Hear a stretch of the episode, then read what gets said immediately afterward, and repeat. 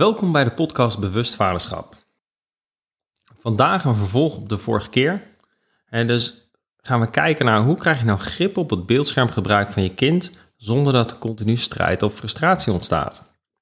En in de vorige podcast hebben we erbij gekeken wat de voor- en nadelen zijn. Heb ik ook verwezen naar de mini-cursus die je kan doen om de voor- en nadelen van gamen te bekijken. Maar ook om te ontdekken bijvoorbeeld of je zoon in de gevarenzone zit. En dus allemaal praktische tips. En vervolgens hebben we ook die verdieping gepakt. Van hé, hey, oké, maar hoe reageer je nou op dat gamen? In hoeverre zit je in je angst? Voed je op vanuit angst? Zit je in je oordeel op het gamen? Want dat is vaak niet helpend. Daardoor ontstaat heel vaak frustratie en strijd. Nou, vandaag wil ik stilstaan bij een aantal tips die je praktisch gaan helpen om anders mee om te gaan. En ook te kijken naar je eigen voorbeeldgedrag en wat daar de mogelijke effecten van kunnen zijn. Om met de concrete tips te beginnen, die mij hebben geholpen zelf, maar ook vele vaders inmiddels al. De eerste tip is drie stappen. Dus je gaat eerst waarnemen, vervolgens aansluiten en vervolgens toevoegen. Dus jij staat uh, lekker te koken en op een gegeven moment wil je dat je kind van de iPad afkomt en aan tafel komt. Nou, de kunst is dan eerst waar te nemen. Waar zit hij? Je gaat naar hem kijken. Zit hij helemaal in de game? Is hij gefrustreerd? Of, of is hij gewoon ontspannen wat te gamen? dat is heel belangrijk om te kijken, waar zit, waar zit mijn kind? Vervolgens ga je aansluiten. Je gaat naast je kind zitten en je gaat gewoon vragen, hey, wat ben je aan het doen? Waar ben je mee bezig? Laat je kind kort wat vertellen. En vervolgens ga je toevoegen. Hey lieverd, nou leuk om te zien. En over vijf minuten gaan we eten. En dus ik geef zo meteen nog een signaaltje en kom je dan aan tafel. Soms hoeft het niet in deze stappen, kan het nog sneller en korter. Maar waar het vaak om gaat als het wat lastiger gaat, dan zijn dit helpende stappen. En waar het dus met name over gaat, is dat je kind helpt om die overgang te maken. Het stukje verwerkingstijd van iPad naar aan tafel. Voor volwassenen is het helemaal helder. We zijn klaar, we gaan aan tafel. Ook niet voor iedereen overigens. Maar dit kan heel helpen zijn met kinderen. En met name ook, eigenlijk hiermee kom ik meteen tot mijn tweede tip. En dat is het voorbereiden. Voorbereiden op die overgang. Dus waarschuw je kind. Ik waarschuw mijn kinderen voor het eten bijvoorbeeld al vijf minuten van tevoren, tien minuten van tevoren. Of zelfs als ze naar boven gaan met gamen. Hey, we gaan om vijf uur eten. Half zes, zes uur. Dus ik bereid ze voor. Daarnaast iets anders, wat interessanter is om te ontdekken wat is er nodig. Het kan verschillen per kind. Uh, maar het gaat mij even om dat je de bewustwording hebt. Op het moment dat het niet goed gaat. Hè, je kind luistert slecht terwijl hij op de iPad zit, komt niet aan tafel. Dan wat een aantal ouders doen, is ze blijven erbij staan totdat het kind de iPad heeft uitgedaan en aan tafel komt. Alleen, ik heb wel eens tegen een vader gezegd, wat straal je dan uit naar je kind? En eigenlijk wat je uitstraalt is wantrouwen. Je vertrouwt er dus niet op dat je kind uit zichzelf gaat komen. Nou, ik weet niet hoe het bij jou is, maar ik doe het daar niet zo goed op. Als iemand loopt te controleren of ik het wel ga doen. Dus beter is om te zeggen van, hé hey, lieverd, ik verwacht dat je over vijf minuten tafel gaat en dan loop je weg. En dan geef je daarmee eigenlijk het kind de ruimte om er zelf naar te kijken, maar ook het vertrouwen. Dus dat is ook iets wat kan helpen. De volgende tip, de vierde tip, die is wat lastiger. Want ik heb net gezegd dat het heel belangrijk is om duidelijk te zijn, eigenlijk in de vorige podcast. Alleen soms is het niet handig om strikt te zijn. Hetzelfde hier met bedtijden. Maar wel dat er een richttijd is. En eigenlijk laat je dus af en toe even vieren om geen strijd te krijgen. En vervolgens op een rustig moment ga je om tafel en ga je het weer hebben over de tijden. Maar daarmee voorkom je dat je constant in een battle bent met je kinderen. Volgend punt inderdaad eigenlijk het tegenovergestelde hiervan. En niet tegenovergestelde, maar iets wat heel belangrijk is, dat je consequent bent. Dus ook als je moe bent en het even niet uitkomt. Of dat je uitlegt aan je kind waarom je extra tijd geeft. En dan zeg ik wel eens, ja, papa heeft even geen energie. Ga dan maar gewoon even door. En de volgende keer houden we ons gewoon weer aan een uur. En dat betekent eigenlijk dat je duidelijk communiceert dat er een uitzondering is. Ook dat kan prima met kinderen. En als laatste dat je begrenst. En dat doe je door het geven van een ik-boodschap. Dus dat je benoemt wat je waarneemt en wat het effect op jou is of wat het gevolg daarvan is. En dat kan heel mooi door het zinnetje ik verwacht van je.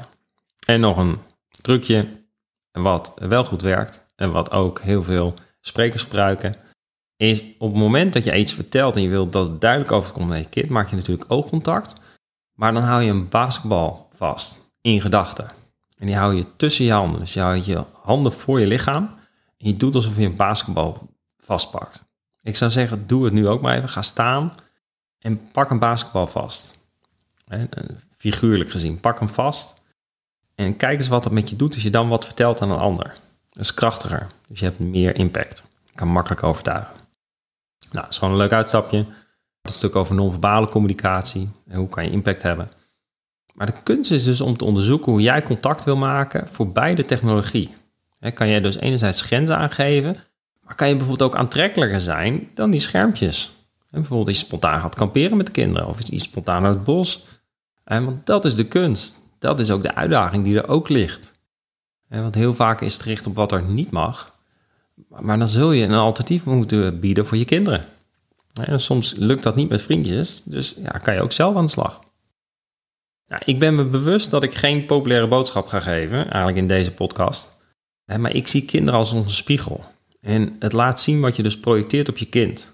En op het moment dat je dus weerstand ervaart, bijvoorbeeld met de beeldschermen, heeft het heel vaak te maken met een stukje onmacht in jou. En dat is heel waardevol om naar te kijken. Ook weer vanuit die angst wat ik eerder had benoemd. Nou, en daarnaast is het natuurlijk heel belangrijk om te kijken van, hey, hoe staat het met jouw beeldschermgebruik? En wat is jouw voorbeeldgedrag? Kinderen doen niet wat je zegt, maar wel wat je doet. En ze gaan het onbewust kopiëren. Modeling. En waar ik je mee wil nemen zijn een aantal onderzoeken, uh, met name vanuit Amerika, over dat gebruik van ouders. Er is een studie uh, van Child Development uh, gepubliceerd, waarbij overmatig gebruik van technologische apparaten door ouders de basis zou kunnen zijn voor gedragsstoornissen bij kinderen zoals hyperactiviteit of ADD. En de onderzoekers vroegen ouders om dus bij te houden hoe vaak ze de gsm, computer en tablet uh, gebruikten. En waar onderzoekers achter kwamen, is dat de aantal keren dat die ouders dus beeldschermen gebruikten, zoals een, een mobiel of een computer of een tablet, dat dat het zorgde, al was het maar een moment van gebrek aan aandacht richting de kinderen, dat dat kon leiden tot een gedragsstoornis. En dat wil eigenlijk zeggen, dus hoe meer ouders werden afgeleid door technologie, hoe meer gedragsproblemen de kinderen hadden. Waaronder dus gewelddadig gedrag of driftbuien. Bovendien hadden deze kinderen ook een lager zelfbeeld en meer relatieproblemen met anderen. Dat was voor mij wel echt een nieuw inzicht. Ik denk van, oh, oké, dat kunnen dus ook de effecten zijn. En ik herken het zelf ook. Ik heb mezelf echt geleerd, ook sinds ik heel veel thuis werk, dat als ik achter de computer zit, en dan vroeger, als ik mijn zoon dus kwam, dan had ik zoiets van, hé, hey, je stoort mij. En dan kon ik ook wat kortaf zijn of boos reageren als ik helemaal in zat. En nu heb ik mezelf, train ik mezelf elke keer om liefdevol te reageren. Dus een knuffel te geven, te omarmen. Daarna geef ik aan, dus ik sluit weer aan. Daarna geef ik aan of ik tijd heb of dat ik nog even vijf minuten door wil werken enzovoort. Maar ik, sta, ik probeer constant open te staan voor als ze komen. Zodat ze altijd het gevoel hebben dat ze op de eerste plaats komen. Zonder dat ik ze altijd op de eerste plaats zet. Dus hè, ik kan dus ook aangeven, over vijf minuten kan ik pas. Of nu lukt het niet, je zou jezelf moeten vermaken. Nou, ander onderzoek is dat, uh, dat is in fastfoodrestaurants uitgevoerd. En dat betekent dat onderzoekers ontdekten dat 73% van de ouders hun mobiele telefoons gebruikten. En dat dus de meerderheid daarvan dus niet op hun kinderen letten. Nou, dan snap je wat de resultaten waren. Dat niet verrassend was dat hoe meer de ouders afgeleid waren, en dus hoe slechter de kinderen zich gedroegen. Nou, mijn vraag aan jou. Dus in hoeverre voelt jouw kind zich niet gezien door jouw telefoongebruik of andere beeldschermen? En dit is denk ik een vraag welke elke ouder zich mag, zelf mag stellen. En het is moeilijk te raden hè, wat de impact daarvan is. Alleen deze vraag aan jezelf stellen kan alweer bewustwording creëren. En soms is het ook gewoon kwestie van doen. Hè, dat je het gaat proberen en dan kijken wat dan het effect. En wellicht heb je zoiets van, hé, hey, oh, maar hoe ga ik dat dan ontdekken? Nou, er zijn drie signalen hè, dat je kind zich niet gezien voelt door jouw telefoon of beeldschermgebruik. En de eerste is dat je bijvoorbeeld jezelf kan afvragen, hey, wordt mijn kind extreem boos als, als ik hem negeer? Dus dit is het voorbeeld op het moment dat je kind iets wil zeggen en dat jij achteraf ziet, hey, ik zat op mijn mobiel. Of het is een patroon dat je vaak op je mobiel zit en dat hij niet altijd contacten met je kan maken. Dat is de eerste signaal. Het tweede signaal is, schreeuwt je kind als hij iets wil vragen. En wanneer een kind op normale toon spreekt en elke keer erachter komt dat hij de eerste keer niet gehoord wordt, en dan op een gegeven moment dan gaat hij wat anders verzinnen. En dan gaat hij dus schreeuwen en dan besluit hij om stem te verheffen. Om op die manier meer aandacht te krijgen. Derde signaal is, is je kind gestopt met het proberen van aandacht trekken? Dat kan ook nog. dit valt vaak onder gehoorzame lieve kinderen. Alleen, dit is heel vaak geen goed teken. Want als het kind heeft begrepen dat de prioriteit bij de mobiele telefoon en de contacten daar ligt in plaats van bij het kind, dan zullen ze het op een gegeven moment opgeven en hun interesse verliezen. En zo had ik bijvoorbeeld ook een moeder en die was dus ook bezig op haar mobiel. En dat kind ging dus met de loopwagen nog harder tegen de muur aanbeuken. Dat zijn signalen die je op, op die manier kan oppakken. Dus al met al heb je kunnen zien, hey, ik heb een aantal tips heb ik je meegegeven. En daarnaast dus inderdaad, hey, hoe staat het met je eigen gedrag? En de kunst is dus om binnen de kaders van gezondheid en veiligheid je kind meer zelf te laten ontdekken wat goed is. Het heeft ook met leeftijd te maken natuurlijk. Jonge kinderen lukt dat nog niet, bijvoorbeeld tot zes jaar. Maar hoe ouder, hoe meer verantwoordelijkheid je zelf mee kan geven. En het grootste voordeel is, is dat kinderen dan dus ook zelf leren om te vallen en te opstaan. En dus ook om te gaan met uitdagingen en verslavingen. He, want hebben ze daar later, op latere leeftijd, als jij weer uit beeld bent, hebben ze daar baat bij. Ik heb nu volwassenen in coaching. Ik had vandaag nog iemand in, in coaching. Ja, en die heeft allerlei verslavingen om niet te hoeven voelen. Om niet die eh, zich vervelen of eenzaamheid te hoeven voelen.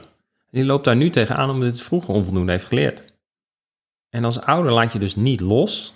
Je bent aanwezig, alleen niet vanuit oordeel, maar vanuit betrokkenheid, overleg en vooral geduld. Nou, hiermee zijn we aan het einde gekomen van deze podcast. Nogmaals, in de minicursus, de link staat onder de podcast, heb ik een aantal opdrachten opgenomen. Uh, als je die maakt en wil nog feedback, stuur ze vooral in. Dan kijk ik ernaar. Vind ik alleen maar leuk. En ik wens je heel veel succes en ik hoop ook dat het beter gaat. Fijne dag.